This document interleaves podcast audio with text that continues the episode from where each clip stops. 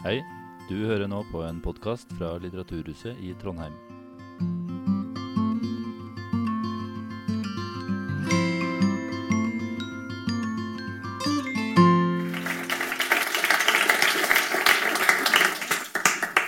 Takk for uh, introduksjonen og um, invitasjonen.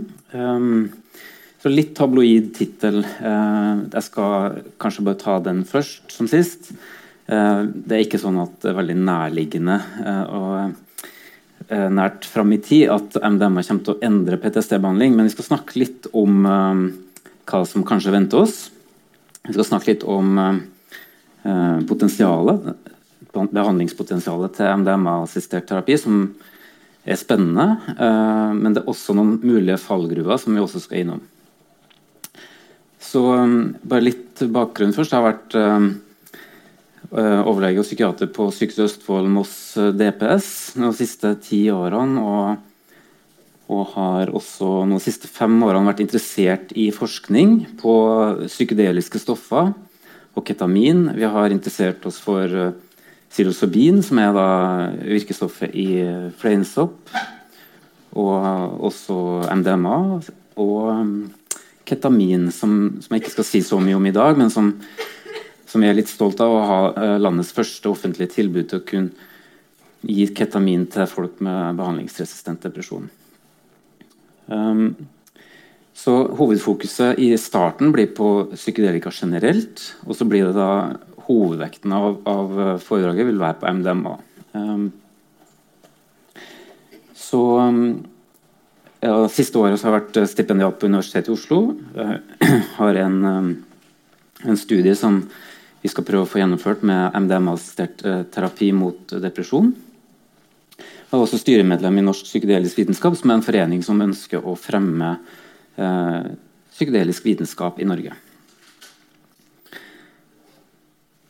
Så det vi snakker om da um, altså, Hva er det egentlig med psykedelika generelt og MDMA som er spennende? Jo, eh, det er jo selvfølgelig nytt og spennende og skummelt og kontroversielt på samme tid. Uh, men vi tror helt klart at uh, hvis de lovende resultatene som vi har sett i studier, faktisk kan replikeres, så tror vi at vi får godkjent behandling av MDMA innen få år og også psilocybin eh, noen år etter det. Det er MDMA som har kommet lengst i løypa. Så Time Magazine slår opp eh, de ti viktigste gjennombruddene innen helse eh, som man kanskje har gått glipp av under pandemien. Og Der var psilocybin mot depresjon og MDMA mot PTSD, eller posttraumatisk stresslidelse, trukket fram som viktige gjennombrudd. Etter at det hadde blitt publisert Eh, relativt store studier på, på, effekten mot depresjon og PTSD henholdsvis. Eh, så det anerkjente tidsskriftet Science har trukket fram eh, MDMA-assistert terapi som et av de viktigste vitenskapsgjennombruddene i fjor. Som dere kanskje vet, så, så, er det også en serie på Netflix som tar for seg ulike psykedeliske stoffer. Det er da forfatter eh, Michael Pollan som, som tar for seg ulike psykedeliske stoffer i tur og orden, bl.a. MDMA og psilocybin. Det var da basert på hans bestselgende bok 'How to Change Your Mind', eller 'Psykedelisk renessanse' på norsk. Så det kan være, verdt å sjekke ut for dere som ikke har gjort det. Ok, så det vi snakker om da, Når vi snakker om psykedeliske stoffer generelt, så har vi stoffer som ligner på hverandre. Da, altså Eh, markert med blått nederst her. Mulig dere ikke ser det, dere som eh, har noen foran dere. Um, men de har en del til felles.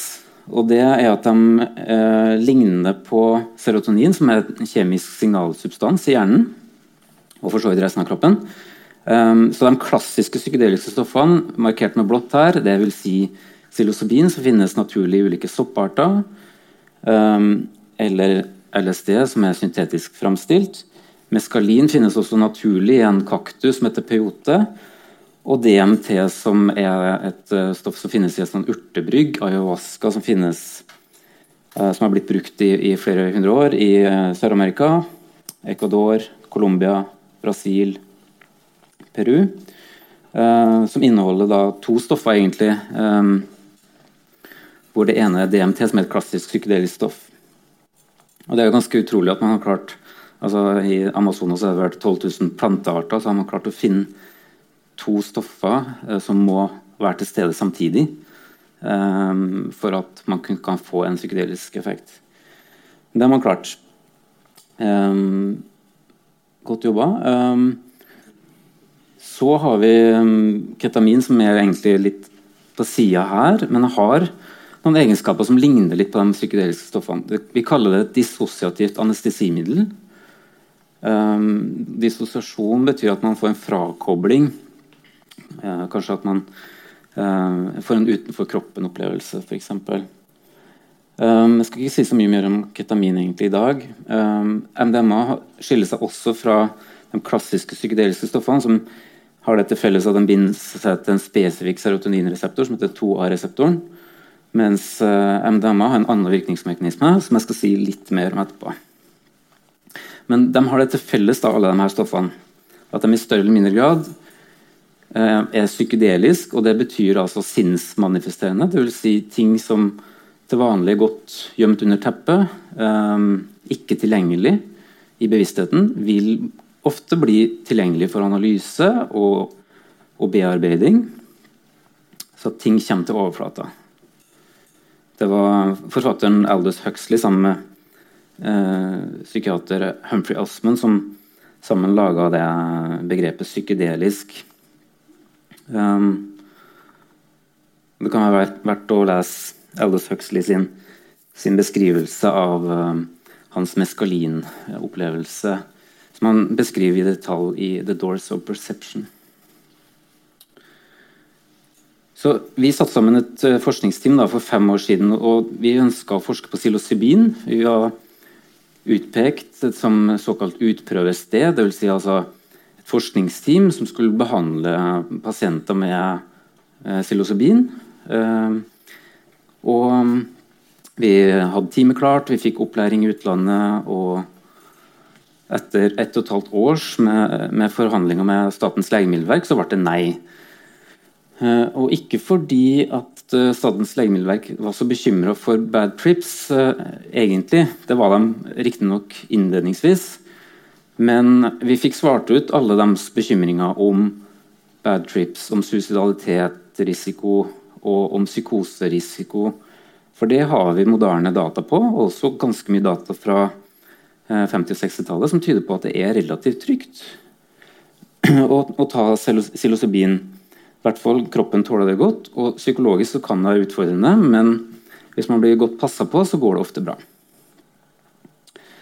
Så, men, så det det stranda på, var egentlig detaljer i protokollen, altså en forskningsprotokoll. Ganske detaljerte greier hvor Legemiddelverket ønska å endre på tidspunktet for Eh, når man gjør opp status, har behandlinga virka eller ikke. Og Det ville de skyve til seks eller tolv uker etter behandling. Eh, noe som er et godt poeng, fordi at akutt så vil man jo bli prega av opplevelsen. Og det er lett sånn at eh, rett etterpå så kan man kanskje bli smitta av den akutte opplevelsen. Så det kan være lurt å vente noen uker før man gjør opp status om behandlinga virka eller ikke. Så Legemiddelverket hadde et poeng. Men dette var en sånn studie som pågikk i mange land. Man kunne ikke tilpasse eh, protokollen til norske forhold, og derfor ble det nei.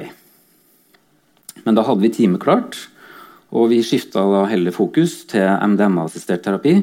Fikk opplæring i det, og der er vi heldigvis i gang. Så litt mer om hvorfor det er lurt å interessere seg for psykedelisk, eh, psykedeliske stoffer MDMA som, som behandling. Vi har skrevet om det i Tidsskrift for Den norske legeforening. Om klassiske psykedelika. Og vi har skrevet om MDMA-assistert terapi mot posttraumatisk stresslidelse i norsk, altså Tidsskrift for Norsk psykologforening. Så det vi, det vi skriver her, da, det er at her har man noe som ser lovende ut. Det er viktig å få avklart behandlingspotensialet. Det skjer ellers veldig lite nytt i psykiatrien, i hvert fall på legemiddelfronten etter at det kom nye preparater på slutten av 80-tallet, så såkalte selektive serotoninreopptakshemmere, så har det vært lite nytt. Og, og legemiddelindustrien virker ikke som den satser noe særlig på, på psykiatri heller. Så her er det jo andre aktører som bringer fram MDMA og psilocybin enn de klassiske big pharma. Det er riktignok legemiddelfirma, men eh, for MDMA sin del så er det da et firma som heter MAPS, eller Multidisciplinary Association for Psychedelic Studies, som, som driver forskninga videre. Og det er da et firma som, eh, som er finansiert av donasjoner fra filantroper og, og andre.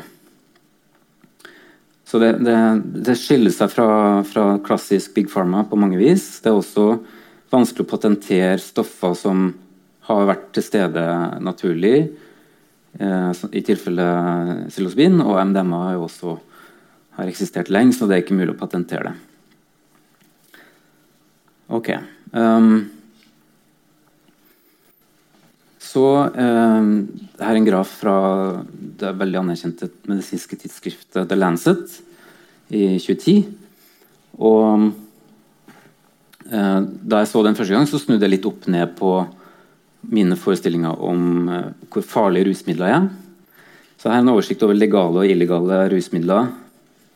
Eller ja Ikke alle som brukes som rusmidler klassisk, men, men ja, legale og illegale stoffer, i hvert fall. Uh, og det er klart her rangerer man da stoffene ut ifra skadepotensialet på den enkelte, som er markert i blått, og på samfunnet, som er markert i rødt.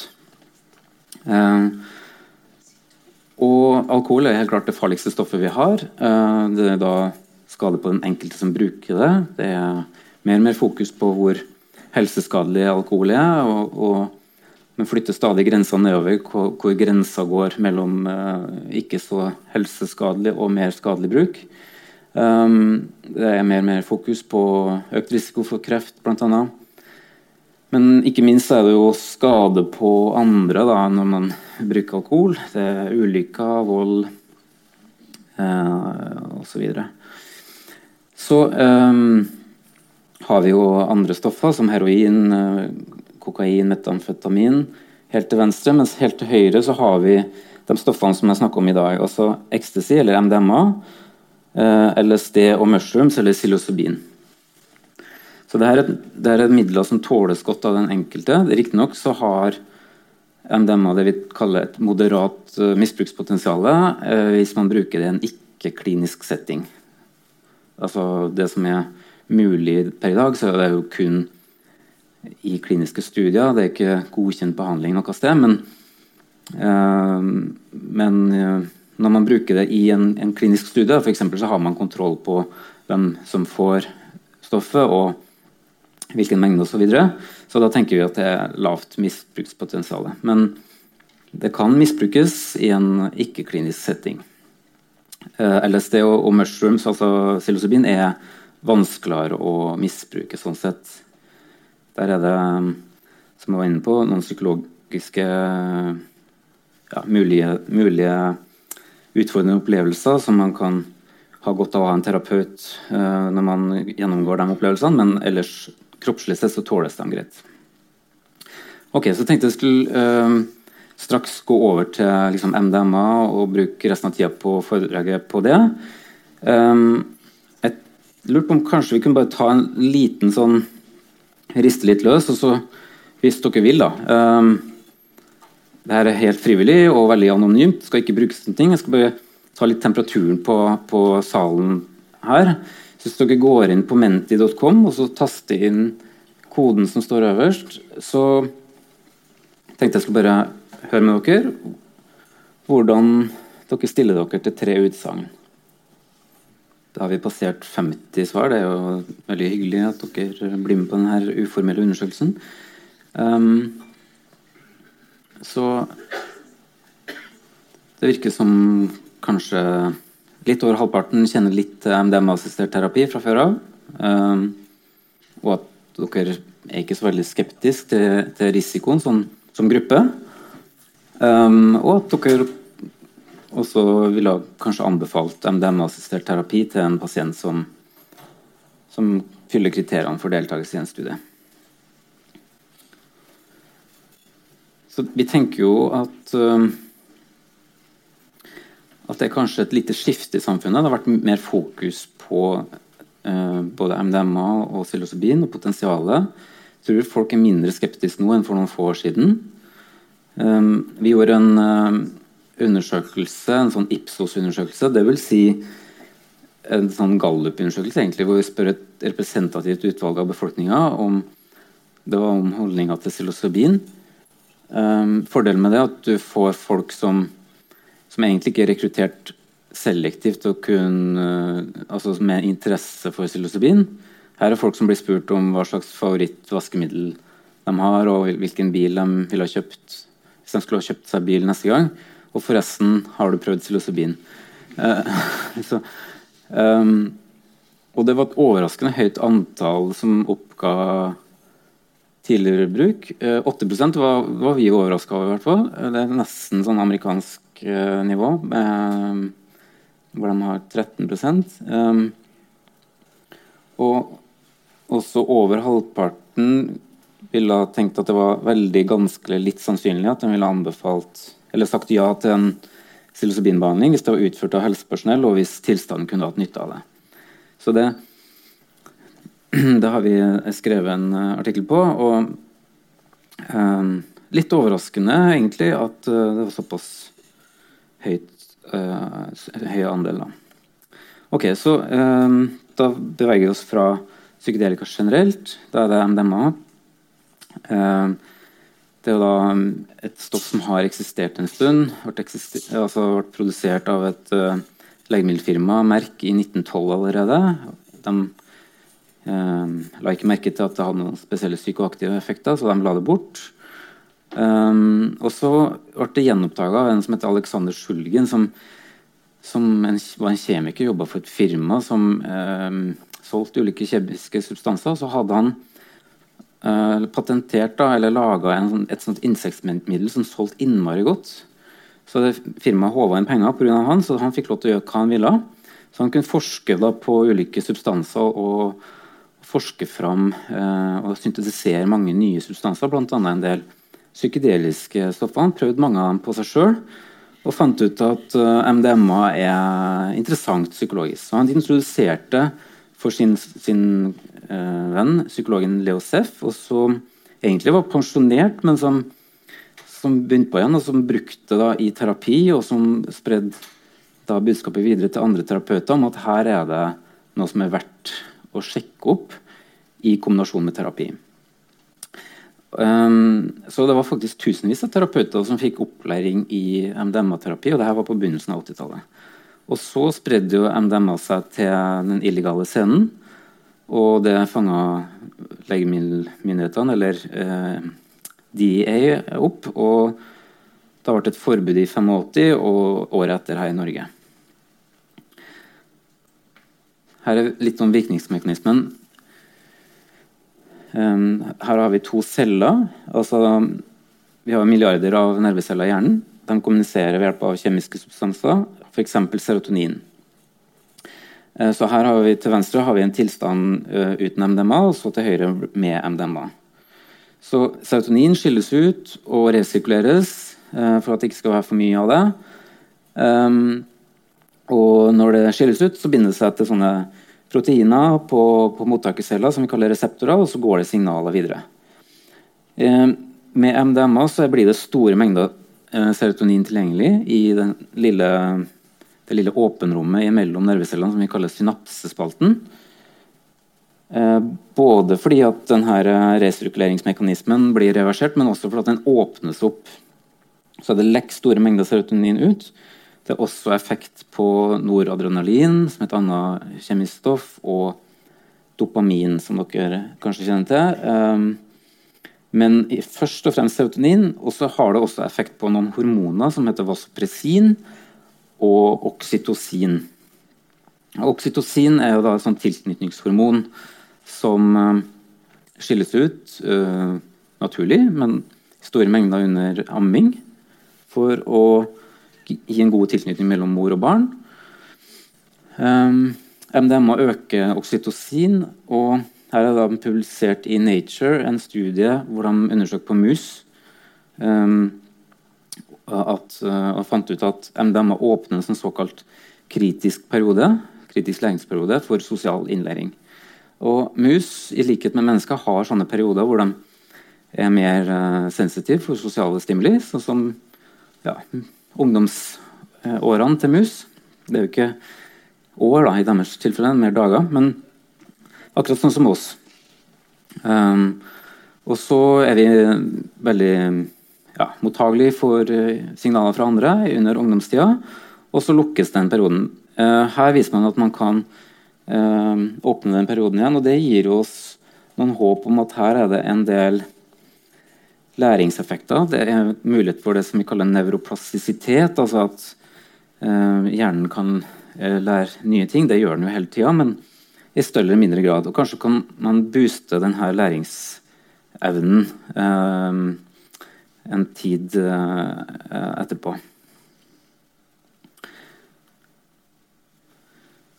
Så um, Det som gjør MDMA-assistert terapi interessant sånn psykologisk sett, er jo de akutte effektene. Men det er også selvfølgelig uh, mer effekter på lang sikt. Det skal vi si mer om etterpå. Um, men MDMA gir en tilstand som er en veldig god kombinasjon for å kunne drive eh, terapi. Så kombinasjonen her av at man får økt tillit og selvmedfølelse, eh, samtidig som man får redusert angst uten å begrense tilgang på følelser, er en god kombinasjon. I tillegg så er det jo et psykedelisk stoff, eh, tenker vi. Eh, selv om det skiller seg fra de klassiske psykedeliske stoffene. Det åpner opp, det gir bedre tilgang på eh, minner, på følelser. Det som til vanlig er stengt eh, bort. Eh, og det er jo på godt og vondt. Det kan være heftige ting som dukker opp. Og Særlig når vi snakker om PTSD, og der vi har mest eh, data, så kommer jo traumene opp. Det kan være vondt og vanskelig. Eh, og så virker det som at det tåles mye bedre under MDMA-terapi enn uten. Så eh, vi ser en litt eh, mindre frafall i MDMA-studiene enn det som er vanlig i sånne vanlige psykologiske studier med, med traumeterapi. Um, og håpet er jo Det er litt tidlig å si, selvfølgelig. Vi har ikke data som støtter det. Men vi har en del observasjoner som, som kan peke litt i den retning. At det her er muligheter for en sånn en mer dypere terapi, som kan gå dypere, og som kan være en, en framskynda terapi som gjør at du slipper da å stå på medisiner i år, årevis, kanskje. Um, prøv psykoterapi som også tar tid. Ikke sikkert det virker, det kan være for heftig. Det vi tror, er at MDMA åpner opp og utvider det såkalte toleransevinduet. altså det, i hvert fall I traumesammenheng så snakker vi om toleransevinduet. og Hvis man går utafor det, så blir man da overaktivert. Hvis man hvis det blir for heftig, for overveldende. Men man kan også bli underaktivert, altså nummen, uh, følelsesmessig avstengt, uh, gå i depresjon.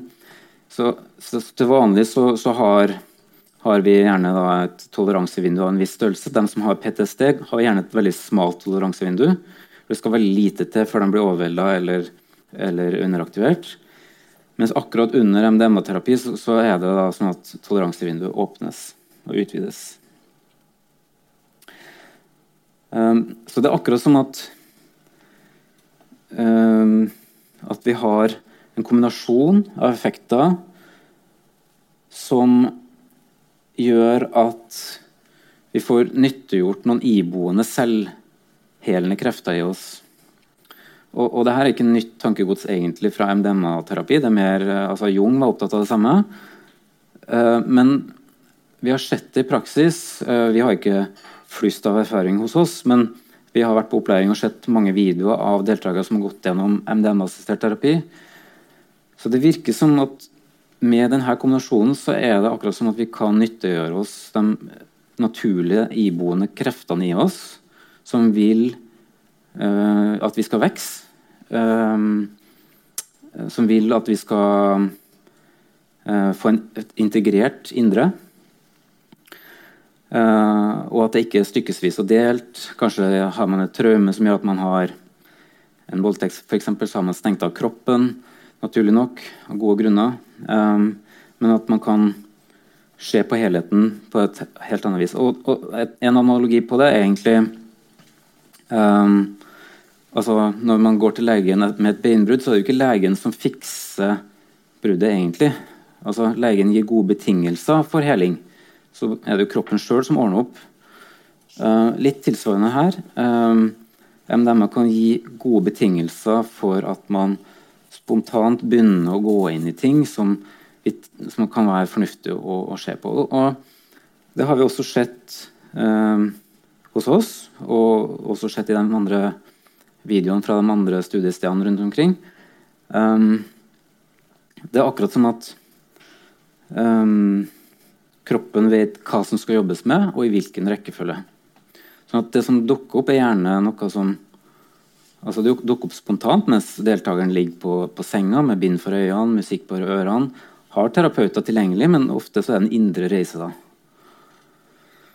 Så, så, er det mulighet for å snakke med terapeutene hvis ting stopper opp. og, og sånn, men, men uh, Eller hvis man trenger en liten pause. Eller, ja. Men når man ligger der da på, på benken, så, så, er det akkurat som om man Det som trengs å jobbes med først, det, er, det dukker opp. Så jobber man med det. Står i det, gjerne, fordi at man får hjelp med mindre angst, mer selvmedfølelse, sånn at man tør å stå i det. Helt, eh, altså at det blir en forløsning på det. Altså At man kan legge det bort og så gå videre til neste. Og Det veldig gjerne en sånn non-lineær prosess. altså Det er ikke sånn at man starter fra fødselen, og så bygger man seg opp. altså Går man gjennom barndommen år for år. Og, og så, og, altså det, det, er ikke en lineær prosess. sånn sett. Det er gjerne at man kanskje jobber med et traume. Og så trenger man å jobbe litt med forholdet til foreldrene sine. Og så trenger man å jobbe med noen stressorer og noen belastninger i livet. Og så, så bytter man, veksler mellom. Og det fine her er jo at man slipper å det er i hvert fall ikke noe krav. Og, og, ofte så kan det bare være en distraksjon. Og det å skulle fortelle terapeutene om alt det som foregår på innsida. Sånn at det er mye bedre å bare stå i det på, eh, på egen hånd, og så kan man snakke om det etterpå. Når MDMA-effekten er ute. Så det kan være veldig effektiv terapi. At man liksom går fra minne til minne og følelse til følelse, og kanskje jobber litt med kroppen. For traumer setter seg gjerne i kroppen. Eh, og så, ja, så blir det en sånn veldig non-lineær prosess på det. Så eh, er vi jo opptatt av at eh, deltakerne skal eh, være trygge. Uh, vi sørger jo for å gjøre kroppslig undersøkelse, legeundersøkelse av dem før de går inn i studien. Vi tar sånn EKG, sånn hjerterytmeprøve. Um, og skriver ut dem som da kanskje ville ha hatt en risiko for um, for å få MDMA eh, hvis de har en hjerterytmeforstyrrelse fra før av. Eh, det er jo noen dødsfall på MDMA, ofte i kombinasjon med andre ting. Eh, og det er relativt få. Det er, som jeg viste på den, den grafen fra The Lancet, så, så, er det jo relativt risikofritt. Men klart for enkelte som, som bruker det rekreasjonelt, og som ikke har kanskje da fått tatt et EKG på forhånd, eller ikke tenker på det som har med væskeinntak og temperaturregulering å gjøre, så kan det være risikofylt. Og det har vært dødsfall knytta til det med overdrevent væskeinntak og overpeting. Eh, Ca. fem i året i, Storbritannia med 750 000 ukentlige brukere. Eh, så relativt få, men det er jo selvfølgelig for mange. Og, vi vil ikke ha dødsfall, så, så vi eh, så passer på begrense væskeinntak og regulere romtemperatur. Vi tar også måler kroppstemperaturen. Og så gir vi eh, også psykologisk støtte. Det er klart um, Det er jo uh, I denne sammenhengen så er det jo veldig rart å kalle MDMA ecstasy, for det er jo, er jo virkelig heftige psykologiske reaksjoner. Når man går gjennom traumeterapi, naturlig nok, så er det vondt. Og så skulle stå i traume helt til man har fått jobba seg gjennom det. Så da eh, kan det være greit å ha eh, ja, knytta seg til noen terapeuter på forhånd. Vi bygger tillit og allianse. Eh, prøver å forberede dem på hva som skal skje, prosessen. Eh, og vi er da til stede under selve MDMA-påvirkninga. Og også veldig opptatt av å tilby et sånn psykologisk etterarbeid etterpå, hvor det er mulig da å prøve å sette ord på opplevelsen, prøve å fortsette prosessen. Um, prøve å fortsette liksom, å prøve å vende blikket innover. At um, det som er på innsida, er verdt å kikke på og ikke flykte fra. Um, og at man prøver å overføre eventuelle nye erfaringer fra MDMA-terapien over i hverdagen. Um, og det er jo gjerne sånn at uh, prosessen ikke er over eh, idet eh, deltakeren går ut av døra etter siste MDMA-økt. Ofte så er det bare starten på det. For da har man kanskje fått noen innsikter, man har fått bearbeidet en del ting. Men så er det hos oss alle. Er, vi blir aldri ferdige, egentlig. Hvis vi er nysgjerrige og hvis vi tør å gå på innsida og prøve å kikke på hva som er der, så er det egentlig livslangt prosjekt. det der. Men men det er liksom nøkkelen å, å prøve å få til et bra sånn, integrasjonsarbeid, hvor man prøver liksom å, eh, å fortsette eh, prosessene. Litt om eh, forskninga som er gjort. Det er jo da hovedfokus på PTSD. Eh, det er gjort studier på andre ting også. Eh, det har vært små foreløpige studier på sosial angst hos personer med autisme. Eh, lovende resultater der, i likhet med angst hos dem som har livstruende sykdom. Og også en studie på alkoholbrukslidelse. Men det er først og fremst PTSD eh, vi snakker om. Eh, og der er det jo seks sånne fase to-studier som er gjennomført. Som dere kanskje husker fra pandemien, så er det da det var jo sånn der med vaksineutvikling. Fase 1 og fase 2 fase 3 før man kan søke om godkjenning. fase 1 er mer sånn Eh, friske frivillige. Fase 2 forsiktig utprøving på en begrensa pasientgruppe. Begrensa begrenset antall, mens fase 3 er liksom mer bekreftende studier med store antall og gjerne um, ja, placebogruppe og sånn. Her har det også vært kontrollgruppe i de seks fase 2-studiene. Det skjer en signifikant reduksjon av PTSD-symptomer uh, sammenlignet med kontrollgruppen med store effektstørrelser, som vi kaller det. og det med effektstørrelser er på en måte mål på effekt, som man kan sammenligne mellom behandlinger og mellom ulike tilstander også, egentlig, for å få et standardisert mål på det. Um, store effektstørrelser det sier kanskje ikke så mye, men uh, de medisinene som er godkjent for PTSD, har, har små til moderate effektstørrelser. Så det er bedre enn det som er der fra før av. Um, så har vi sett også at det går bra på sikt, i hvert fall fram til ett år etterpå. Vi har ikke lenger eh, observasjonstid enn det. Men eh, ikke bare holder behandlingseffekten seg ett år etterpå, men den eh, øker også. Eh, og det vet vi ikke helt hvorfor, men vi tror kanskje det har noe med det at MDMA-assistert terapi er ikke ferdig når du, når du er ferdig med siste MDMA-økt. ikke sant? Og da jobber man videre um, på egen hånd. Og så Antall deltakere som mista diagnosen PTSD, økt fra 56 til 67% ett år etter avslutta behandling. Så kom det da fase tre-studien. Det ble publisert i fjor. Ble slått opp med første sideoppslag i New York Times. Um, publisert i Nature Medicine, som er et uh, veldig høyt rangert medisinsk tidsskrift.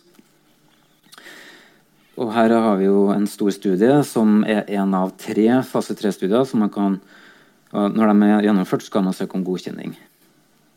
Så Den ene er da publisert. Den andre er man ferdig, nesten ferdig med datainnsamling. Uh, det er da um, de to første i Nord-Amerika, altså USA, Canada og Israel. Og så er det en tredje fase tre-studie som skal gjennomføres i Europa, og den skal vi, vi være med på. Um, den starter litt senere. Men her er da resultatene fra den første fase tre-studien. Her var det 90 deltakere. De ble delt i, i to, da, altså 45 i hver gruppe, som fikk da henholdsvis MDMA og placebo. Begge gruppene fikk den, akkurat den samme terapien, så eneste forskjellen var MDMA eller placebo. Det var deltakere med alvorlig PTSD. De hadde hatt diagnosen i 14 år gjennomsnitt. Her står man igjen, sånn som i fase 2-studiene, en signifikant, altså statistisk signifikant, men også en, en tydelig forskjell eh, med store effektstørrelser igjen. Så to tredjedeler mista PTSD-diagnosen. Og faktisk så er det en tredjedel i placebo-gruppa også, sånn at det er jo ganske mye effekt av den psykoterapibiten her. Det er ganske mange timer psykoterapi de får i denne studien her. Men altså forskjellen mellom MDMA og placebo og Det er en styrke ved studien at du har gjort eh, nettopp denne sammenligninga mellom to grupper som får akkurat den samme terapien. Veldig mye av det som foregår ellers med PTSD-studiene med ulike psykoterapimetoder, de sammenligner med venteliste eller ja, en, en dårligere eh, kontrollgruppe enn det som er her. Så Godt gjennomført studie. Her ser man effekt etter de tre eh, MDMA-øktene. Man ser at det spriker mer og mer. Etter tre økter så er det allerede etter, etter to så er det tydelig forskjell. Eh, så statistisk signifikant. Det her på symptomer på PTSD. Eh, og så er det også en graf på funksjonssvikt, hvor det er da tydelig forskjell mellom MDMA-gruppa og placebo-gruppa. De fikk bedre funksjon, de som var i MDMA-gruppa. Så det er en litt sånn vanskelig eh, slide. Jeg har spurt sponsorer av disse studiene om å, å, om å, få presentere data, og det her var det de ga meg. Eh, og, men det her er bivirkninger av MDMA. Eh, det er ganske mange som får bivirkninger, for all del, eh, men det er forbigående. da. Eh, så eh, man blir gjerne stiv i musklene. 63% Tap av appetitt er vanligvis ikke så stort problem, for man er opptatt med andre ting enn enn lunsjen sin. Kvalme er også vanlig. Svette, føle seg kald, rastløs osv. Men det her er jo noen timers varighet, gjerne. Seks til åtte timer, snakker vi. Um, det var ingen forskjell mellom gruppene. altså Det var ingen, uh, ingen forskjell på bivirkninger som man var spesielt opptatt av på forhånd. Særlig legemiddelmyndighetene har vært opptatt av tre ting. og Det ene er selvmordsforverring, eller selvmordsrisiko. Um, misbrukspotensialet og hjerte-kar-bivirkninger. Det var ingen forskjell mellom placebo og MDMA på de tre viktige uh, gruppene av bivirkninger. Um, og så uh, nok en litt komplisert slide. Det var det jeg fikk eh, fra sponsor. alvorlige bivirkninger, altså sånne SAE, det er, det er noen definisjoner på det som gjør at f.eks.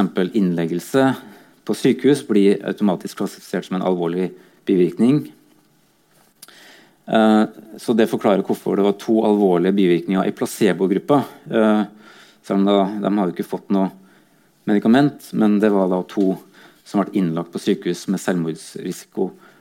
Um, men altså ingen alvorlige bivirkninger av MDMA-gruppa. Så um, her er jo fra Nature Medicine, ganske høyt rangert tidsskrift. Man kan ikke skrive hva som helst i sånn tidsskrift. Vanligvis er jo forskningsartikler ganske sånn tørre greier, nøkterne greier.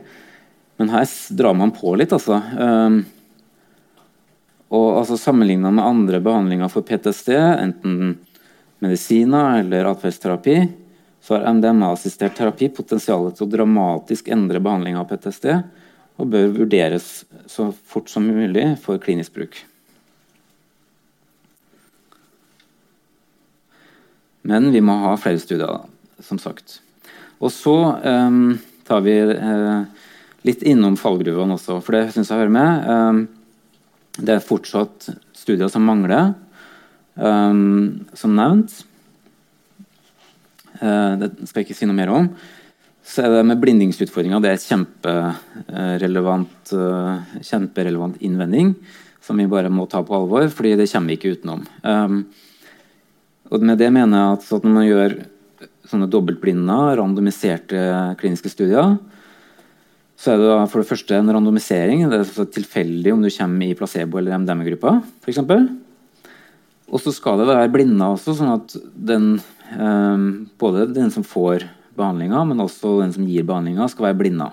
Så ingen skal egentlig vite om det er placebo eller MDMA. Men folk gjetter jo da riktig, som regel. ikke sant? Eh, for de skjønner jo om de får placebo eller MDMA. Eh, så det er jo nesten alle som får MDMA, skjønner at de har fått MDMA. Og riktignok bare 85% som skjønner at de har fått placebo, av dem som får det. Um, men de aller, aller fleste gjør det. Og det påvirker resultatene. Det tror vi nok bidrar til en oppjustering av behandlingseffekten. Så vi må nok trekke fra litt. Uh, det betyr ikke at vi skal liksom uh, avfeie resultatene helt. Um, men vi skal heller ikke Ja, vi må ta noen forbehold, da. Um, det er ikke noe unikt for denne uh, delen av uh, forskninga eller medisinen at man har blindingsutfordringer. Det, det gjelder alle psykiatriske medisiner, egentlig.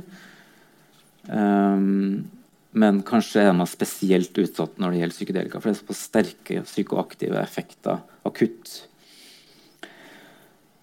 Um, så blir vi ofte spurt om, om ikke forskning på psykedeliske stoffer og formidling av forskningsresultater kan være med å rettferdiggjøre misbruk, da, eller uh, rekreasjonell bruk. Um, uh, og det er jo en, en, innvending som vi også har tenkt en del på.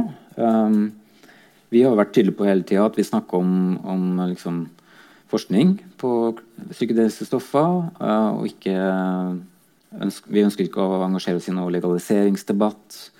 Eh, vi anerkjenner jo at folk har gode grunner til å oppsøke en undergrunnsterapeut når man strever og ikke får hjelp eh, med, med konvensjonelle metoder. Det, det, kan vi forstå. Samtidig som det å prøve på egen hånd eller oppsøke en undergrunnsterapeut betyr ikke nødvendigvis at man tar alle altså uh, Altså at man screener det godt nok på forhånd. At man liksom sørger for å plukke, plukke bort dem som kanskje har en risiko for, for behandlinga.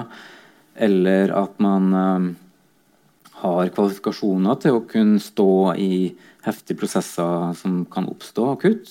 Kanskje særlig for de sårbare. Um, har du en relativt uh, trygg og god barndom, så, så, kan det være relativt uproblematisk. Men tilhører du dem som har strevd mer, og som har en stor sårbarhet, så kan det være heftige ting som oppstår under selv med MDMA, uh, som, som, uh, da, som, vi var inne på, gir mer selvmedfølelse, mer angstdemping og bidrar til å øke toleransevinduet. Men så vi skal ha, vi skal ha respekt for de her prosessene. Um, så, uh, men vi, vi, tenker jo at vi har etikken på vår side. At vi, vi liksom snakker ikke om um, ja, uh, legalisering eller rekreasjonell bruk, egentlig. Um, vi mener jo også at man må utforske behandlingspotensialet til stoffer som virker lovende, sånn som i dette tilfellet, selv om de kan misbrukes. Og det er jo også sånn ellers i medisinen at vi har stoffer som kan misbrukes, men som vi likevel bruker eh, i terapi da, eller i behandling. Jeg skriver ut amfetamin for eksempel, ukentlig til eh, folk med ADHD. Og, og vi bruker jo morfin eh, også til smertelindring, selv om det kan misbrukes. Um, så har vi jo notert oss at det er ganske mye oppmerksomhet rundt psykedelika, i hvert fall i visse miljø.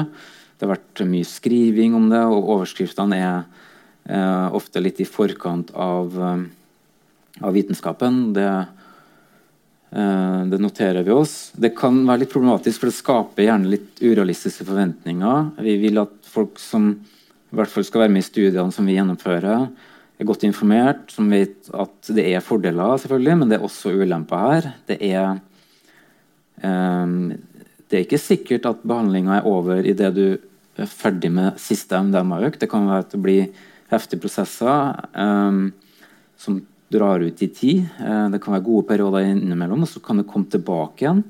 Hvor man må jobbe uh, med seg sjøl. Uh, sånn at det er vi ja, nøye på å informere folk om. Um, det her er ikke noe quick fix på ingen måte, um, som veldig mye annet. Så um, en, en, sånn balansert måte å framstille på er jo det, det, som er idealet. og Jeg vet ikke om jeg er noe godt eksempel på det, men man kan bli litt revet med. ikke sant? Altså, vi har jo investert mye tid og krefter i det her. så det er jo tendens for min del å snakke mer om det positive enn, enn det negative. Det, det er klart også, det, Jeg har jo trua på denne behandlinga, det, det, legger jeg ikke skjul på. Men, men, eh, at man likevel prøver å dempe den verste hypen, da, det er viktig. Um, og så er det en annen ting. altså Kan psykedelika åpne opp for mye for fort? Og eh, vi tenker jo oss at innenfor en trygg setting hvor man er godt forberedt, og man vet hva man går til, eh, man har ja, riktige intensjoner med terapien, at, det, at, man ikke har noe sånn Ja, bare skal gjøre det i en fei, og så uh, bli ferdig med PTSD-en sin. det Altså, så, så, lenge alt er på plass, så tenker vi at uh, det du vil få under en MDMA-terapi, f.eks., det vil ikke være noe annet enn det du sliter med til vanlig. Uh, altså PTSD-en din vil påvirke hverdagen din nok som den er. Uh, den vil prege deg. Her har du en mulighet til å kikke på det i en helt annen tilstand, som gjør at det vil være mulig å prosessere ting inntil du kan liksom få en forløsning, at man kan føle seg mer ferdig med det. Um, det vil si altså, at vi har et spekter med sårbarhet og, og, og kompleksitet. Og, og de, som, som, er kanskje i ytterkanten av det spekteret, vil nok kanskje profitere på flere behandlingsøkter enn de to som var i den studien vi var med på nå i fjor. Um, I fase tre så, så vi at det var tre. Det, det tenker vi jo at er en fordel. Um, så det er ikke sikkert at for dem som har mye kompleksitet og stor sårbarhet, så er ikke sikkert to MDMA-økter nok til å komme helt i mål. Men min påstand er at ut ifra det jeg har sett sjøl på behandlingsrommet, uh, men også det vi har sett i, i videoer fra, fra andre sine terapier, at vi tror um, Det er ikke sikkert det stemmer, men vi tror alle kommer videre. Om ikke helt i mål. Så om det da blir jobbing i tid framover, så virker det som folk uh, får det bedre. Både sånn der og da i selve behandlingsperioden mens liksom behandlinga pågår. men at også gradvis altså at man får jobba seg gjennom ting også etterpå. Så bare man gir det tid nok, så, så, vil man ofte kunne lande på et bra sted. Men det er ikke nødvendigvis akkurat med en gang. Så, så, vi tror egentlig ikke at man åpner opp for mye for fort. At man ikke får noe annet enn det man er i stand til å tåle. Um, men det kan være at det er uh, eksempler på det motsatte. Men um, vi tror det er sånn. Siste punktet er jo at uh, det er vanskelig å generalisere resultatene fra kliniske studier. Det gjelder jo generelt, egentlig.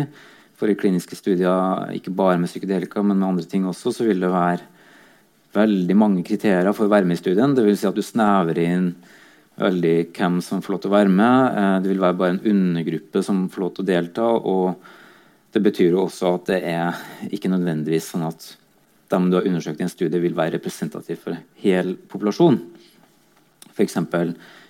i PTSD-sammenheng så er det jo ikke sikkert at de som har vært med i de her studiene, vil være representativ for uh, den generelle PTSD-populasjonen. Uh, um, så um, tror vi at uh, det er ikke sånn at man må være um, i den enkle delen av PTSD-spekteret for å kunne ha nytte av MDMA-assistert terapi. Vi har sett at det er ganske mye behandlingsresistent PTSD i de studiene som har blitt gjennomført. Større eller mindre grad, ikke alle. Eh, som nevnt, altså I fase 3-studien var det 14 års varighet i gjennomsnitt. I fase 2 så var det 18 års eh, PTSD-varighet i gjennomsnitt. Sånn at folk har gått lenge med PTSD. De har oppsøkt mye behandling som ikke har virka fullt ut. Um, og en, en, vesentlig andel også hadde det vi kaller dissosiasjon. altså Det er mer sånn alvorlig undertype av PTSD. Og de så ikke ut til å ha noe dårligere effekt enn en, eh, de som har mer enkeltstående traumer, f.eks. Så det kan godt være at um, faktisk kan vi generalisere en del. At det er faktisk sånn at man kan både få effekt av uh, eh, MDMA-assistert terapi hvis du har både behandlingsresistent tilstand, altså du har prøvd mye fra før av, psykoterapi, medisiner, uh, og at du også har kompleks PTSD, kanskje. selv om det vet vi mindre om. Og, det er jo lovende at det eh, like god effekt på dem som har eh, den dissosiative undertypen. Så jeg skal si litt om uh, MP18, som er den første studien i Europa på MDMA-assistert terapi mot PTSD. Den har vi fått gleden av å være med på. den er fortsatt pågående i andre land. Vi har avslutta vårt bidrag. Uh, 40 deltakere til sammen i Europa. Det er en relativt liten studie, men, men det her er en forberedelse til en større fast tre-studie som kommer eh, til våren, det vi har fått hørt. Eh, her har det ikke vært noen kontrollgruppe, alle har fått MDMA. Eh, og det er to MDMA-økter med fire ukers mellomrom. Så det, denne studien har jo gitt oss uh, nyttige erfaringer med det å skulle rekruttere. Det er ganske um, ganske annerledes enn å rekruttere uh, pasienter til en eh, poliklinikk, hvor jeg har vært i ti år. Uh, der kommer jo gjerne pasientene henvist. Her må man være litt mer aktivt ut, altså rekrutterende og oppsøkende. Um, fordi det er en, da, som jeg var inne på, en, bare en liten undergruppe som, som tilfredsstiller alle kriteriene. En lang liste med kriterier. Um, vi har også fått erfaring med terapien, eh, ikke minst. Det har vært uh, veldig givende prosesser. Det har vært, uh, vært veldig fint å være vitne til. Um, vi har lært mye, vi terapeutene også. Vi har gått i prosess sjøl også, parallelt. Um, vi har blitt smitta av altså, MDMA-en i rommet, på en måte. deltakerens prosesser har har vært uh, veldig dyp og transformerende. så så har vi, har blitt rørt, vi også. Så i hvert fall med relativt begrensa erfaring, da, i hvert fall på behandlingsrommet. Det er få deltakere vi snakker om. Men det føyer seg rekka av erfaringer vi har i hvert fall sett delt fra andre studiesteder rundt omkring. Um, om at det her kan virkelig um, være noe for, for framtida. Um, vi hadde en deltaker som som hadde ja, PTSD, selvfølgelig, etter en voldtekt i seks år, seks år siden. Og hadde prøvd veldig mye terapi. 100 timers psykoterapi, over 100 timer uten effekt tre, tre ulike medisiner og var fast bestemt på og, at traume det kunne hun ikke gå inn i. Det var for skummelt, for vondt. Um, og så um, hadde hun bestemt seg da, før hun dro til studiestedet den dagen hun skulle få første MDMA-økt, at hun kunne, ja, var litt nysgjerrig på effekten, men turte ikke å nærme seg traume. Var ganske sikker på.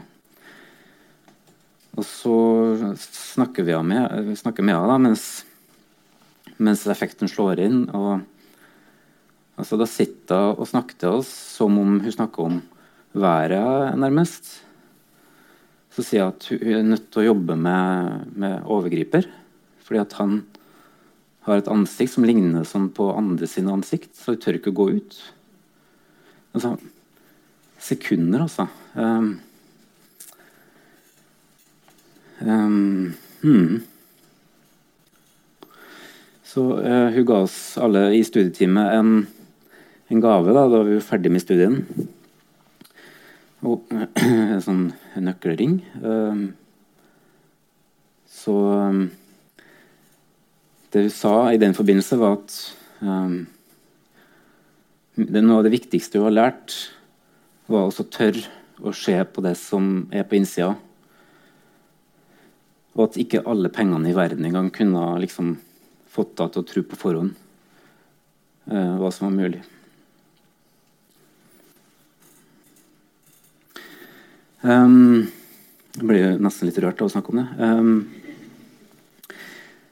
her er da um, studiesykepleier Inger Tove van de Foren. Um, en uvurderlig ressurs i teamet som holder oss andre i ørene og sørger for at ting blir gjort. Uh, hun holder et pilleglass med MDMA, eller partydop, som A-magasinet kaller det.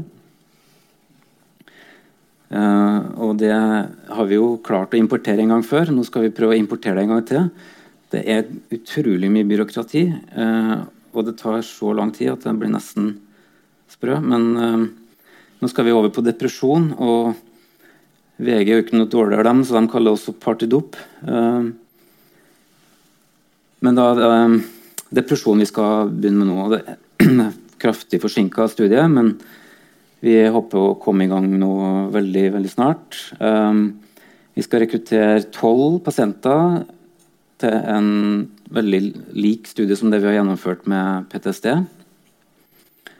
Um, altså to MDMA-økter med fire ukers mellomrom. Uh, ja. Voksne med moderat alvorlig depresjon, maks to års varighet på aktuelle episode.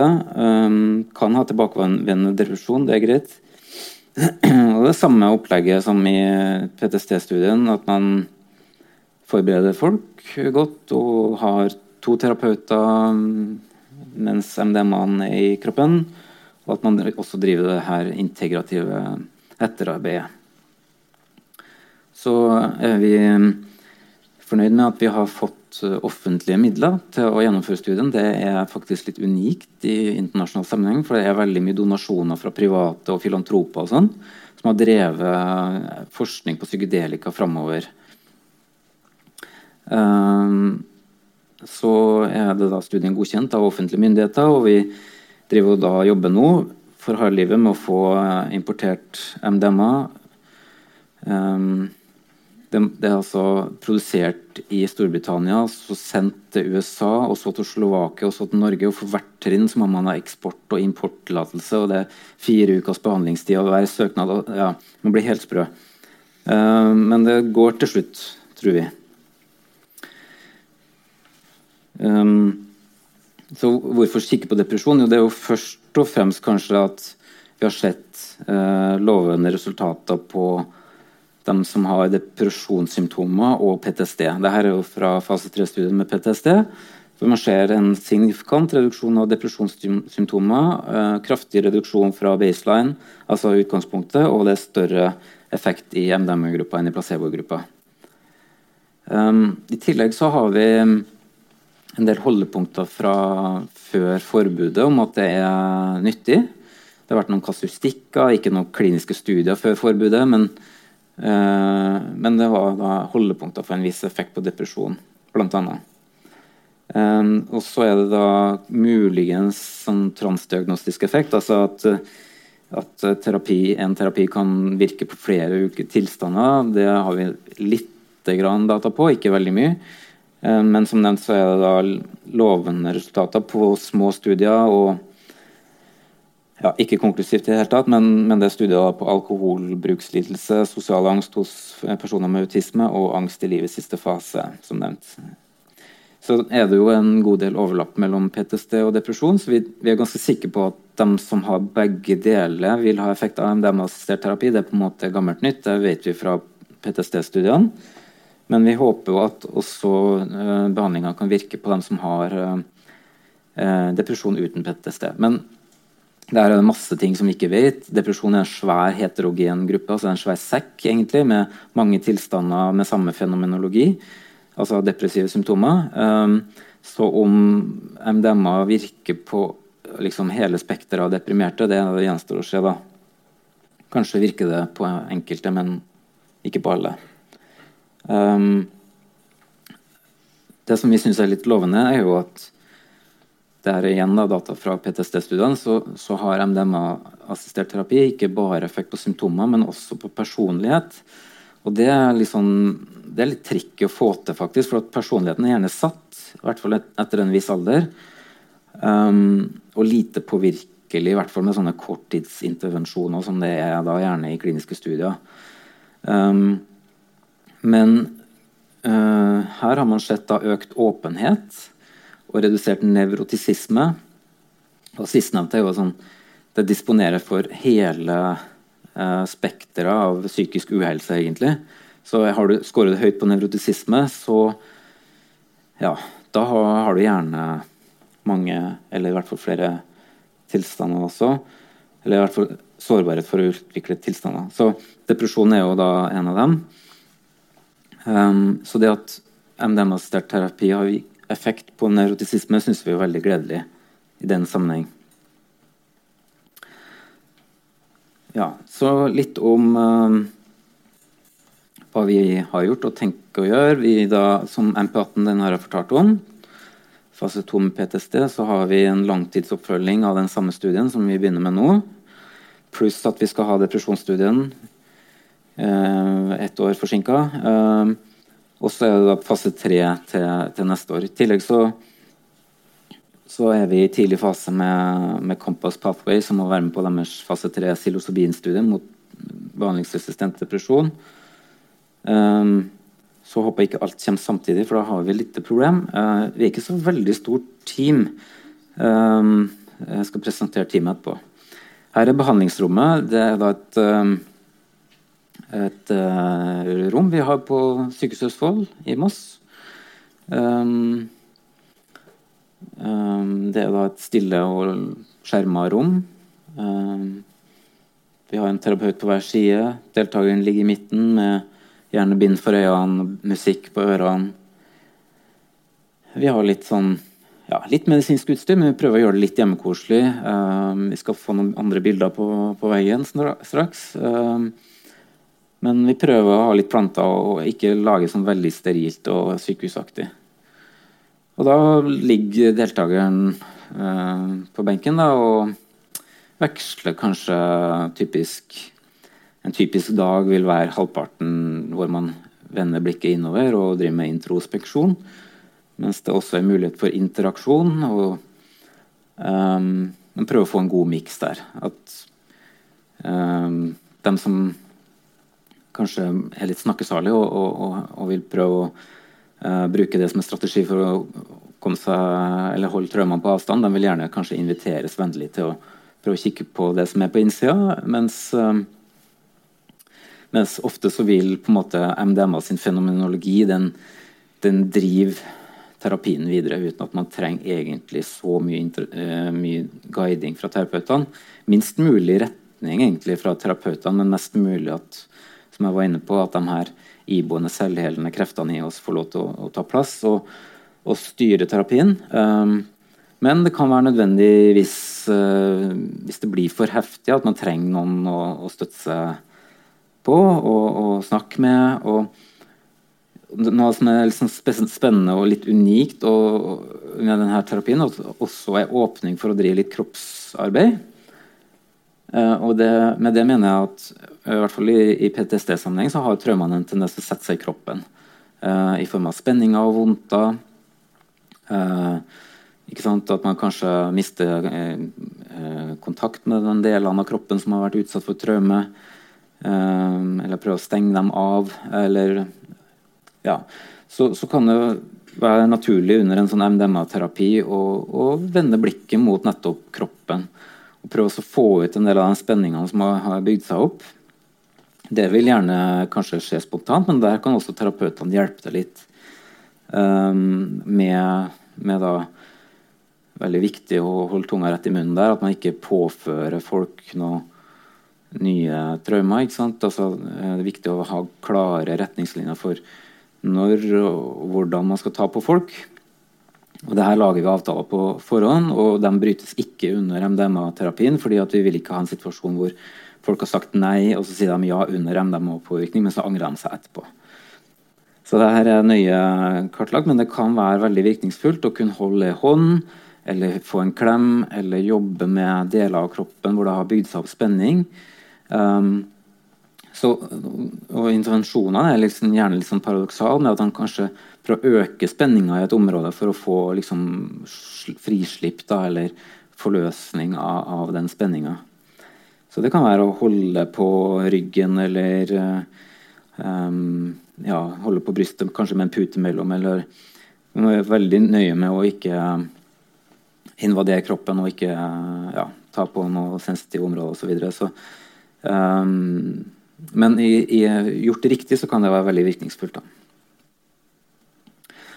Så uh, presenterer jeg teamet. Uh, vi har uh, støtte fra sykehusledelsen med Ingmar Klausen. Så professor Ole Andreassen fra Senter for fremragende forskning på Oslo universitetssykehus og Universitetet i Oslo. Inger Tove, studiesykepleier, som nevnt, uvurderlig ressurs. Og så har vi fire terapeuter som alle har fått opplæring Eh, i utlandet for å drive MDMA-assistert terapi. Um, så gjerne da kvinne og mann som jobber sammen. Det kan være nyttig å ha, dra litt veksel på ulike ja, overføringer til henholdsvis mann og kvinne. Og så har vi tre studieleger som, som er viktig å ha med seg for å avklare medisinsk problematikk og gjøre somatisk undersøkelse. Um, så jeg kunne sagt mye om, om teamet, men, uh, men det var i hvert fall, har dere sett uh, ansiktene. Og så takk for oppmerksomheten.